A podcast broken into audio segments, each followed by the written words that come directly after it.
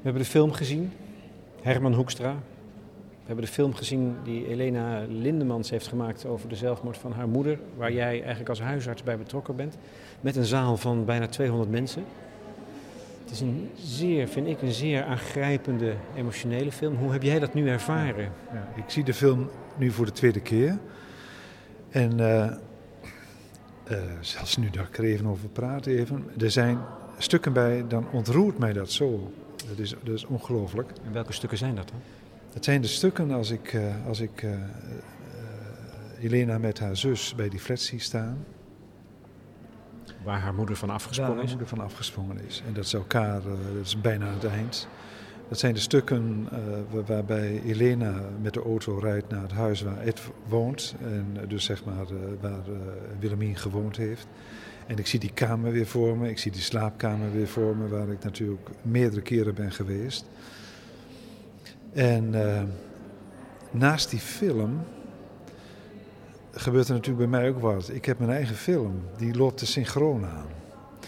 En, en, en ja, dat is, dat is natuurlijk ook begrijpelijk, dat snap ik ook wel. En, en dat maakt het uh, dat ik het, ja, in mijn, mijn beleving, ik, ik beleef het dubbel haast. Hè? Want je ziet zie, ook de film van je eigen verstandhouding met ja. Willemien. En die, die, overigens prima was, perfect was. En, uh, maar ik zie ook, ik, ik, ik beleef weer een stukje worsteling wat ik heb gehad. Dat spreek ik ook uit in die film. Maar het gekke is, zelfs nu na die tweede keer voel ik die worsteling weer. En uh, ja. Ik vond misschien een van de meest ontroerende dingen precies het gaan naar de plek waar het gebeurd is. Hè. Elena heeft in het gesprek na afloop van de vertoning ook verteld dat wilde ze jarenlang niet. Ze moest kotsen bij het idee. Um, staan op de plek waar je moeder gelegen heeft, naar boven kijken met je hoofd in de nek naar de elfde verdieping waar ze van afgestapt is. Um, en ze heeft de mensen gesproken die in die flat wonen. Ja. En ik, misschien vind ik de meest, het meest ontroerende nog wel de reactie bij die mensen die je teweeg brengt als je erover gaat praten. Ja. Als je gaat uitleggen ja, maar zo was mijn moeder. En wij hebben haar. Ja, de mildheid, hè? De, de, de, de, de verandering in, in houding bij die mevrouw Minema. Dat, dat is een. Uh, die is echt boos. Die is boos die is op de boos. moeder. Die is echt boos, ja. Nou ja, en ook boos dat.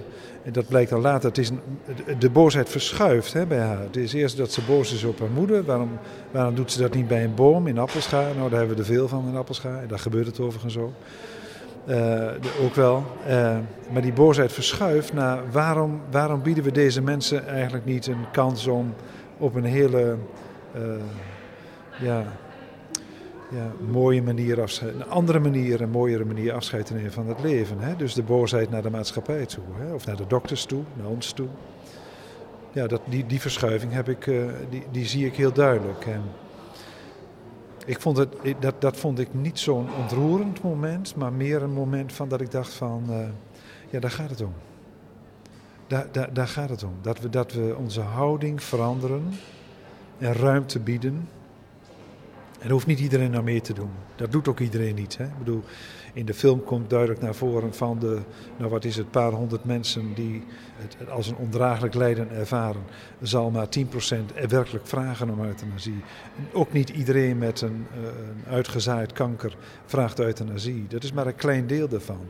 Maar het gaat erom om die kleine groep, om die recht te doen, om die serieus te nemen. En ik denk waar men bang voor is, is dat plotseling iedereen dat zal willen met het etiket. Dat is belachelijk. Dat is helemaal niet zo. Maar uh, respecteren dat, dat er mensen zijn die een andere grens hebben op het gebied van ondraaglijkheid en uitzichtloosheid dan weer een ander iemand. Dat we dat willen erkennen en respecteren. Nou, daar moet dus nog veel water door de Rijn, dat snap ik. Maar als we dat uh, zo waarderen dat iedereen zijn recht daarin krijgt, dan denk ik, dan zijn we een hele, heel ver. Nou, dat, daar helpt deze film aan mee, denk ik.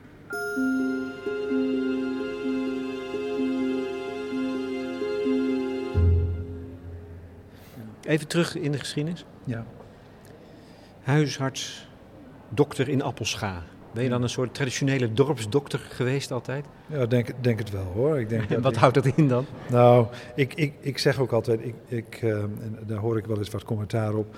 ehm, ik voel me ook veel meer huisdokter dan huisarts. Eh, Wat is het verschil dan? Ja, eh, ja, wat is het verschil? Ik kwam dus ook veel bij mensen thuis. Visites, dat is bij ons een. Ja, dat was een normaal. De, helft van de dag ging ik visites rijden.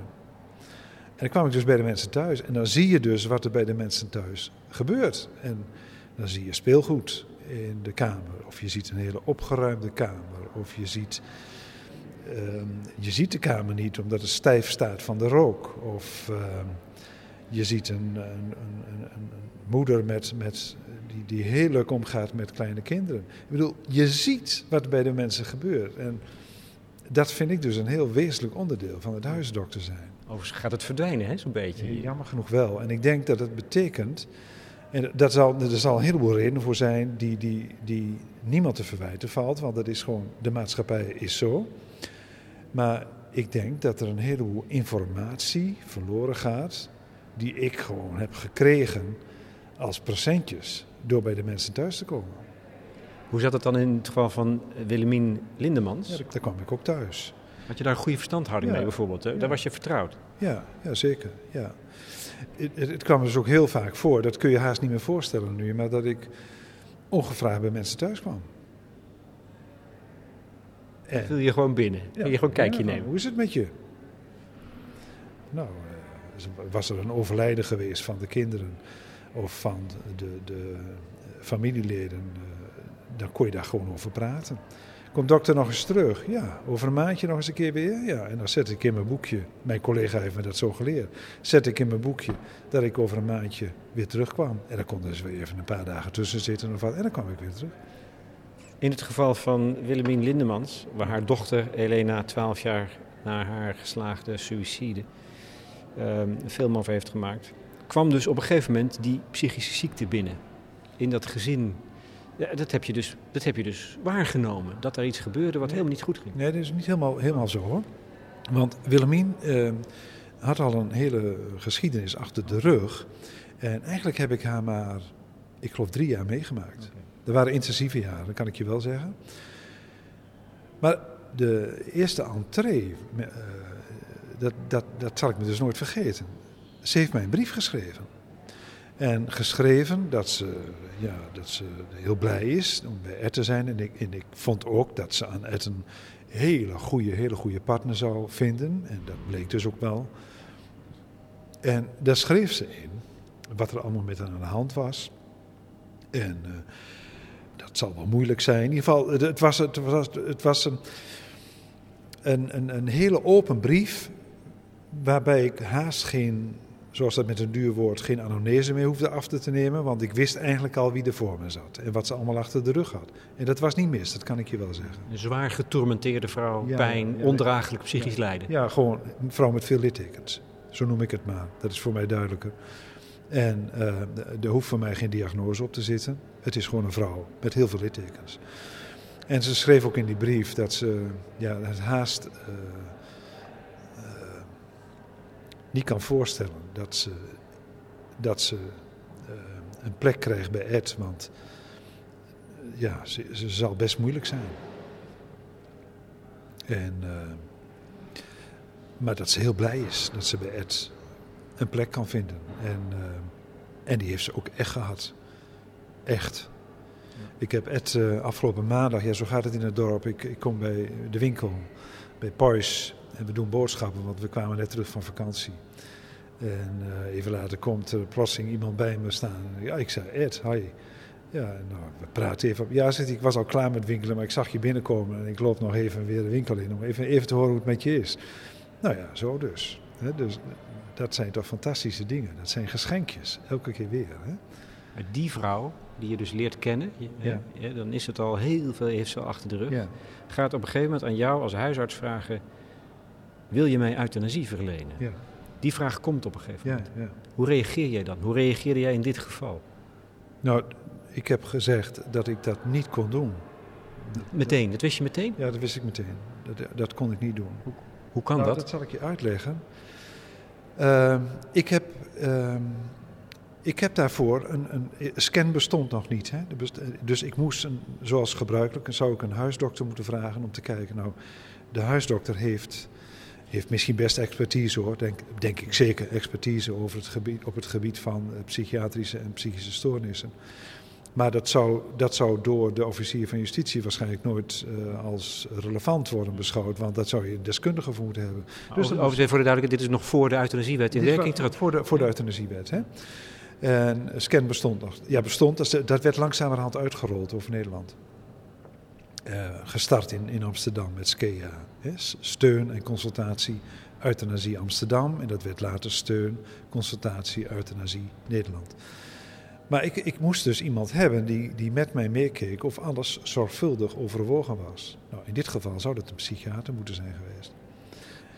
Ik, ik wist niet hoe ik dat moest doen. En uh, dus op voorhand zei ik, uh, Willemien, ja, dat doe ik niet. Ik heb toen gezegd van, maar ik wil best naar je kijken wat we kunnen, of we een oplossing zouden kunnen vinden. Maar het was, je, je wilde het niet om, vanwege de, om, de, de omstandigheden, niet vanwege de, jouw inschatting van haar doodswens. Nee, daar ging het niet om. Nee, het ging, het ging meer om de rambam eromheen. Hè?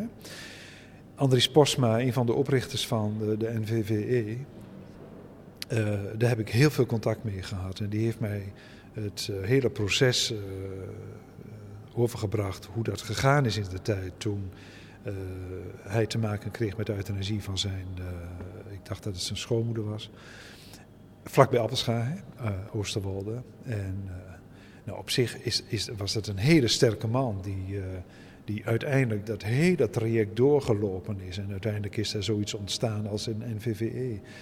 Ik had niet de moed, ik had echt niet de moed om dat traject door te gaan. Door zelfstandig te besluiten van ik geef je deze middelen en ik schrijf op niet natuurlijke dood. En ik kreeg met officier van justitie te maken. Dat, dat, daar zag ik vreselijk tegenop. Waar was je bang voor? Nou, alleen al het feit dat ik überhaupt met de officier van justitie te maken zou krijgen. Dat ik misschien wel uh, opgepakt zou worden. Dat ik uh, een paar dagen, al was het alleen maar als een soort principiële maatregel, een paar dagen in een cel zou moeten zitten was niet ondenkbaar, denk ik, als ik de verhalen van uh, Andries Postma nog herinner. Ja, dat, dat, dat, dat wou ik niet. Dat heb ik ook gezegd tegen Willemien, hoor, dat ik dat, dat niet wou. En, en dat begreep ze wel. En, uh, en, en, ze kon mij nog duidelijker maken dat het voor haar toch echt ondraaglijk was. En dat begreep ik. En dus toen heb ik geschreven naar een uh, behandelend psychiater: Weet jij een weg hoe we deze vrouw kunnen helpen? Nou, dat was een paar maanden voor haar uh, uh, zelfmoord. En die psychiater is er ook mee aan de gang gegaan. Die heeft weer een andere psychiater die in dit traject heel bekend is. Dat wist ik toen niet hoor, dat er een, een, een soort richtlijn bestond bij psychiaters over, over, hoe om te gaan met euthanasieaanvragen. Die heeft dat gevraagd. En ja, uiteindelijk is dat verzand in dat het ja, dus niet gehonoreerd werd. En op de 25e, weet ik nog, werd ik ochtends geroepen, eh, omdat het niet meer ging. 25 februari, 2002. Ja, s ochtends. En toen heb ik gezegd, uh, Willemien, zullen we afspreken dat we je nog één keer laten opnemen? En ik zeg je eerlijk, niet met de bedoeling om je te genezen of om je te behandelen, maar om even te parkeren en veiligheid te creëren. En dan gaan we echt aan het werk om te kijken of we jou kunnen helpen. En dat heeft ze niet meer geloofd. Want, dus je op de dag dat zij van de, van de flat af is gesprongen, heb je haar gesproken? Ja, toen ben ik met Ed, haar partner, uh, hebben we dus nog een fax uh, gestuurd naar de psychiater. Daar was Ed bij. En ja, dat is dus op de een of andere manier niet goed gegaan. Want de, de, de, de die middag is ze dus uh, uiteindelijk van de flat gesprongen. Nou ja, dat verhaal ken je en je weet hoe de kinderen en Ed daarin uh, betrokken zijn geweest. Dat is verschrikkelijk. Hoorde je het ook snel? Nee, ja, de volgende dag. Ik was, ik was, uh, ik was vrij. En uh, ik geloof niet die dinsdag nog. Nee, ik hoorde een dag later, omdat ik, ik was gewoon even weg. weg. Ik geloof dat ik Ik heb nagekeken, maar ik kon het niet vinden. Maar ik had iets van bijscholing of wat dan ook. En ik kwam pas die dag later. En toen hoorde ik dat. Nou, dat was... Ja, dat was het dan, dan. Ja. Ja.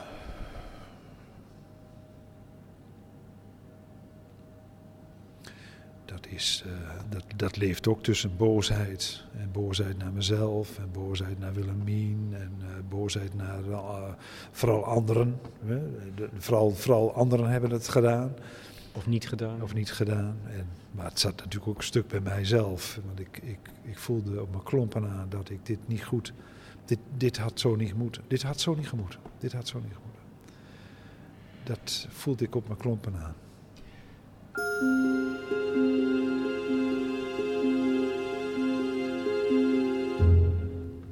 Je had ervaring met euthanasie. je, hebt, je hebt veel, hè, voor de wet nog, gewoon, dat was een soort praktijk, dat jij zorgvuldig euthanasie hebt toegepast. En niet één keer, maar ja, uh, vaker. Ja.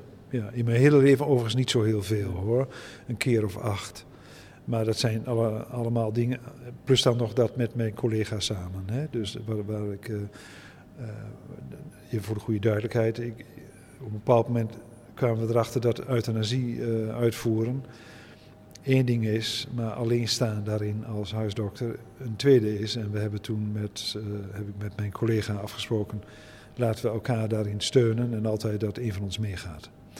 En, uh, dat is een eigenlijk persoonlijk initiatief. Ja. Dat doe jij, dat heb jij zo gedaan. Je ja. En dat vond je fijn? Ja, vond ik heel fijn. Het is zelfs zo dat ik het ongevraagd uh, vaak uh, als suggestie meegeef bij collega's die, die mij vragen als skandokter. Dan vraag ik vaak van hoe ga je dat nou uitvoeren? En heb je er nog over gedacht om daar nog iemand, ook iemand mee te nemen voor jouzelf? En er zijn meer collega's die dat doen. Of ze zeggen van, nou we hebben een wijkverpleegkundige met wie ik een hele goede relatie heb. En uh, de patiënten begrijpen dat ook. Die weten ook uh, dat, uh, ja, dat ik als huisdokter ook weer verder moet. Het wordt vaak zo makkelijk gezegd. Hè? In Nederland is dat een beetje wel ook een, een, een gevolg van het in de werking treden van de wet. Als je euthanasie wil, dan krijg je het van de huisarts. Nou ja, dat mag. Nou, die doet het dan ook gewoon. Ik vraag me af of je het zo ervaart als huisarts dat we daar te gemakkelijk over de gevoelens en de beleving van de huisarts zelf, die euthanasie verleent, heen stappen. Wat betekent het eigenlijk? Als het zorgvuldig gebeurt om het te doen. Nou, dat is. Um het is niet iets wat je in twee weken of een weekje beslist, samen met de patiënt. Daar, daar, daar, daar, daar ben je veel langer mee bezig. En dat papiertje van een wilsverklaring is eigenlijk een onzinnig iets. Is overigens volgens de wet ook helemaal niet nodig, laten we wel zijn. Maar dat, dat draagt daar ook niet aan bij. Als je het alleen maar als een papiertje overhandig krijgt en je doet er verder niks mee. Ik vind dat je dan als huisdokter met diegene even een gesprek moet hebben. En is het in jouw geval, je bent nog een jonger iemand, uh, niet werkelijk actueel, dan in ieder geval iets af te spreken.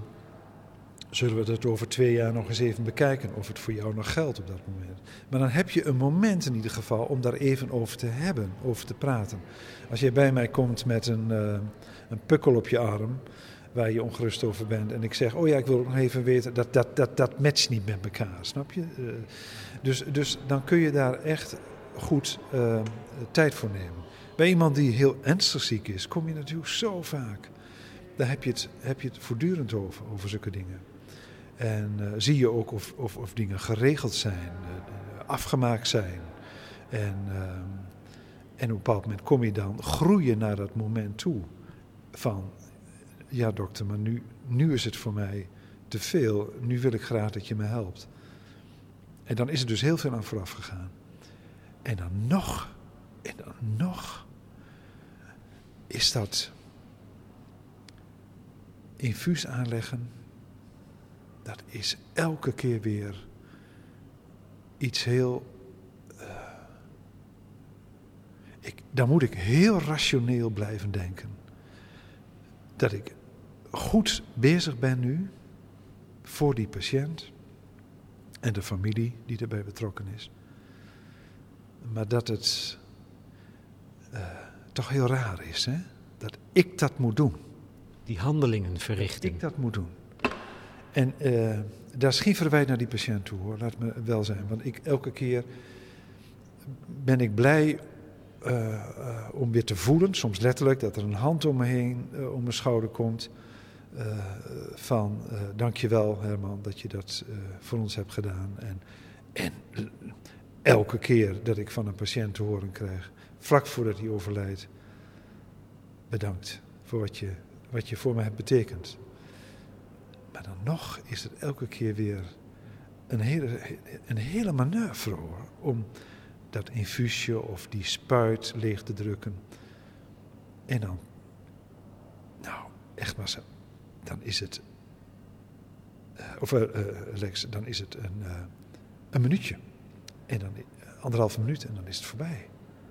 En dan ligt daar iemand, nou, vaak met een glimlach, waarvan je onmiddellijk denkt, nou, die is uit zijn lijden. Hè? Die heeft me zelfs nog bedankt geval dat iemand een, een soort ALS had, dat is een ernstige spierzenuwziekte, die heeft nog even de duim opgestoken naar mij.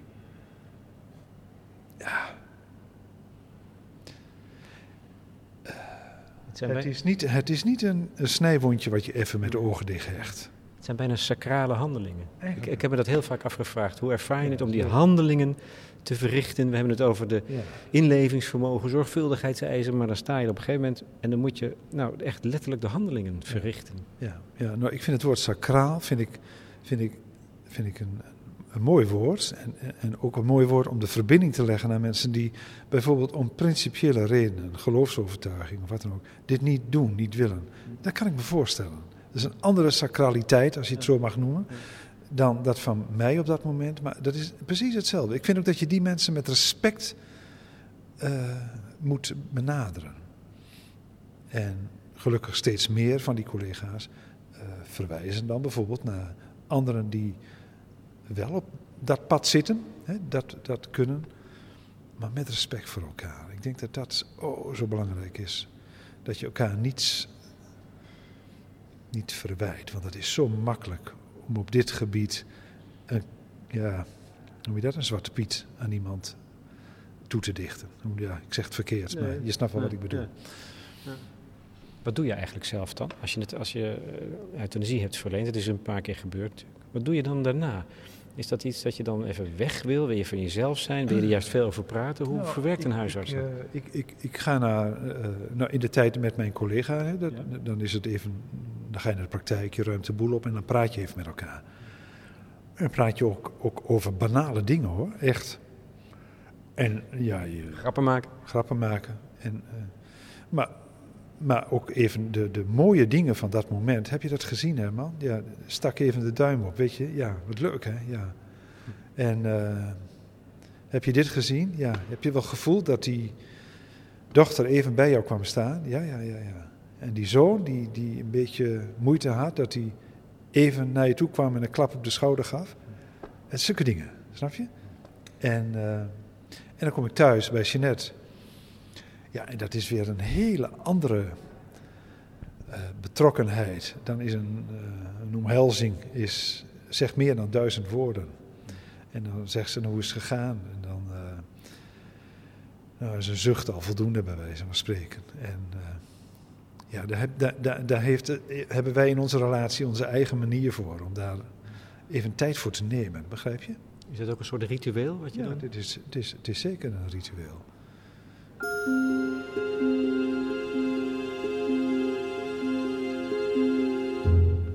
Dan weer terug naar de geschiedenis van de familie Lindemans, ja. Willemien Lindemans. Die had je geweigerd eigenlijk. Ja. En eh, je gaat dan, heb je dan, toen, toen je hoorde dat zij eh, van de flat was gesprongen in Heerenveen, waar trouwens in de afgelopen 15 jaar al 12 mensen ja. of de, daaromtrent ja. vanaf zijn gesprongen.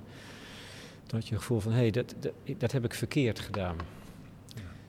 Vanaf dat moment is ook bij jou een proces begonnen van denken, verwerken. we zijn nu 12 jaar verder. Maar jij bent ook echt 12 jaar verder. Dat is ja, vind ik heel. nou ja, zoals je erover praat. dus we hebben er met het publiek over gesproken. En de, de films. gelijk, Lex. Ja, dat is, dat is ook zo. Ja, ik, ik, sta er heel anders in. En dan is natuurlijk de vraag: hè, wat is er dan in die, in die loop van de jaren gebeurd. waardoor jij nu als huisarts denkt tegenover een, een psychiatrische patiënt. kun je, moet je misschien anders handelen dan ik gedaan heb? Nou, ik zou waarschijnlijk, uh, of zeker, ik zou nu de, de psychiaters er anders bij betrekken. In eerste plaats had ik Willemien. Ik heb gezegd tegen Willemien, nee, dat doe ik niet. En ik had moeten zeggen, ja Willemien, maar geef mij heel veel tijd om dat uit te zoeken. Dat is hetzelfde. En ik bedoel ook hetzelfde. En uh, ik denk dat in het andere geval, Willemien had er geen vertrouwen meer in. Dat was heel duidelijk. Ik zou nu, uh, ja, het begrip, uh, de opmerking shoppen is even gevallen. Hè? Ik, ik, denk dat ik een psychiater zou zoeken die, die, die ons zou begrijpen en mij zou steunen, hè, scan, steunen in de consultatievraag. vind je dat ik aan alle zorgvuldigheidseisen voldoe wanneer ik Willemien, want ze wou geen euthanasie, voor de goede orde. Ze wou hulp bij zelfdoding. Ze wou dat ik middelen gaf, waardoor zij, hè, net als Socrates, alleen dat ging toen wat anders met Socrates, maar in een veilige omgeving afscheid kon nemen van, van, van het leven.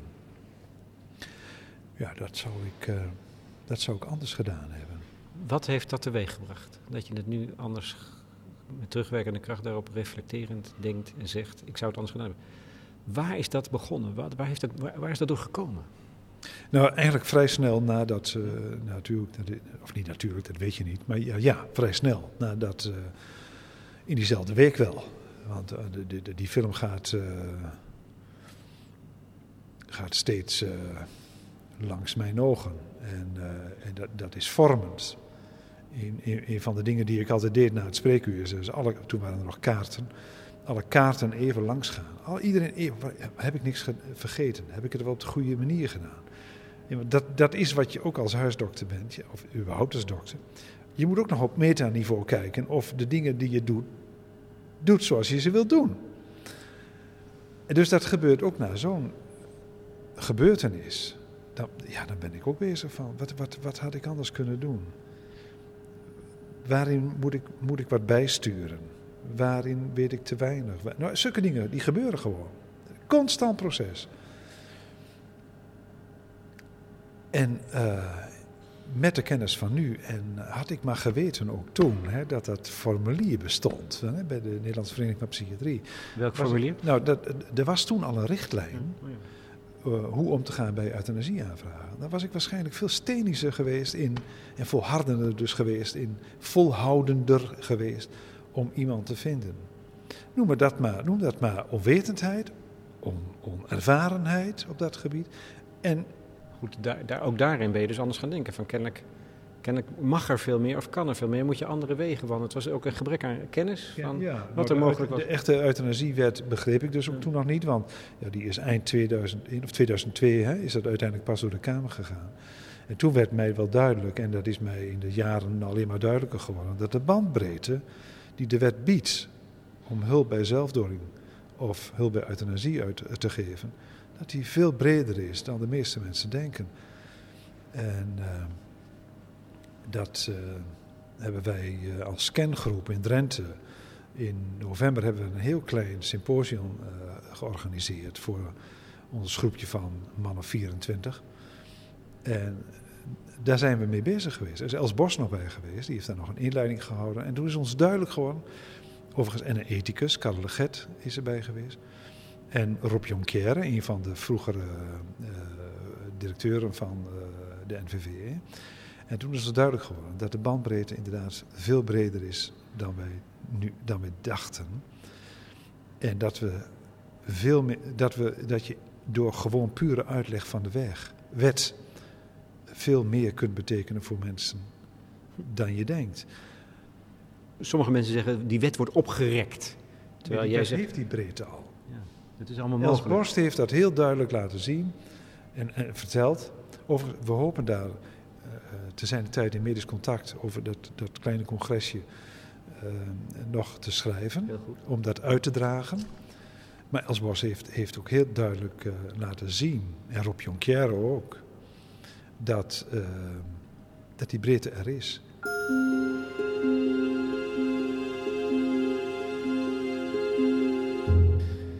Er is iets nodig wat je inlevingsvermogen moet noemen.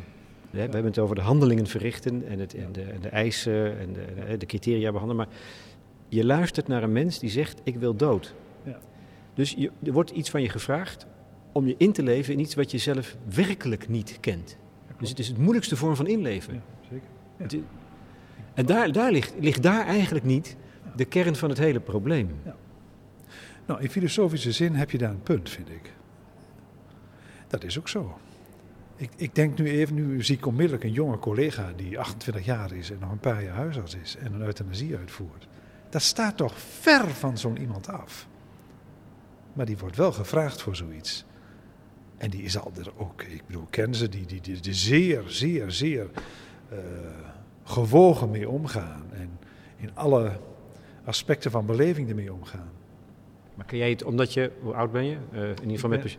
Ik, ben zes, 66. Ja. Kan jij het dan beter inschatten of je beter inleven dan een, een arts van 28 nu? Uh, ja, ik, ben, ik hoop dat ik er ook nog ver vanaf sta. Dus wat dat betreft zijn we gelijk. Ja.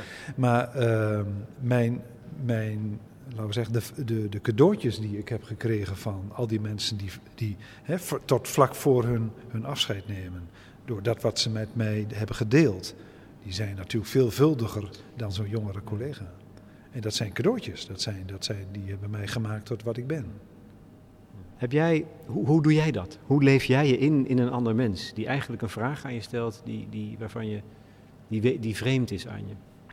Hoe, nou, actueel heb ik daar nu natuurlijk niet zoveel meer mee te maken, behalve als scandokter. En misschien ook al een beetje in de palliatieve sfeer als palliatief consulent. Maar dat moet je toch ook doen. Maar, maar, maar ik bijvoorbeeld heel recent, eh, toen heb ik ook nog een, een tijdje gewerkt in een uh, verpleeghuis.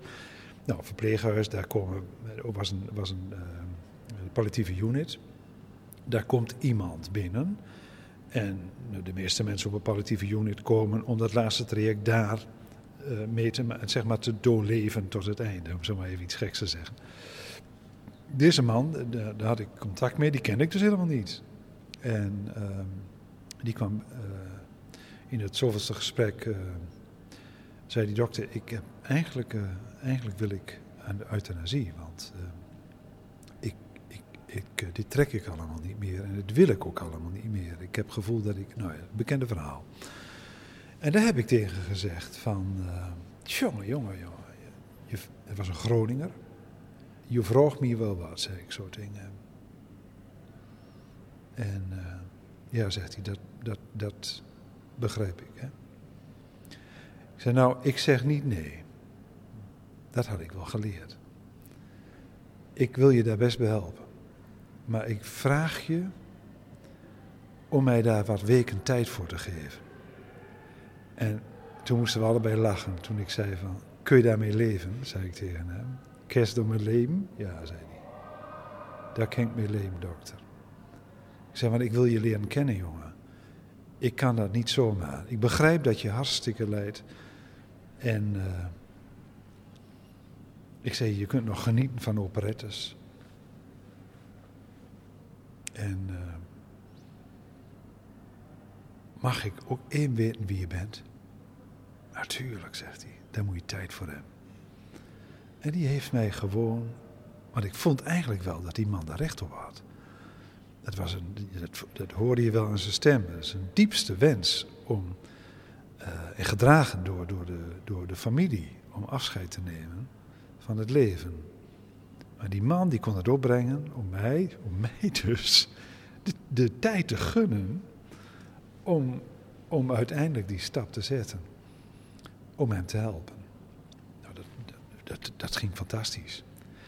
Die man gaat dus nooit uit mijn geheugen. Hij gunde jou tijd ja. en jij gunde hem een zachte dood. Ja, ja, maar hij realiseerde zich dat het voor mij iets meer is hmm. dan ik ben toevallig de dokter die dat kan en mag maar dat ik ook gewoon iemand ben die om vijf uur, zes uur, zeven uur, acht uur thuis kom en dan graag verder wil met het leven. Nou dokter, bij mij had u lang mogen komen hoor, als ik je zo voor. het is wel goed.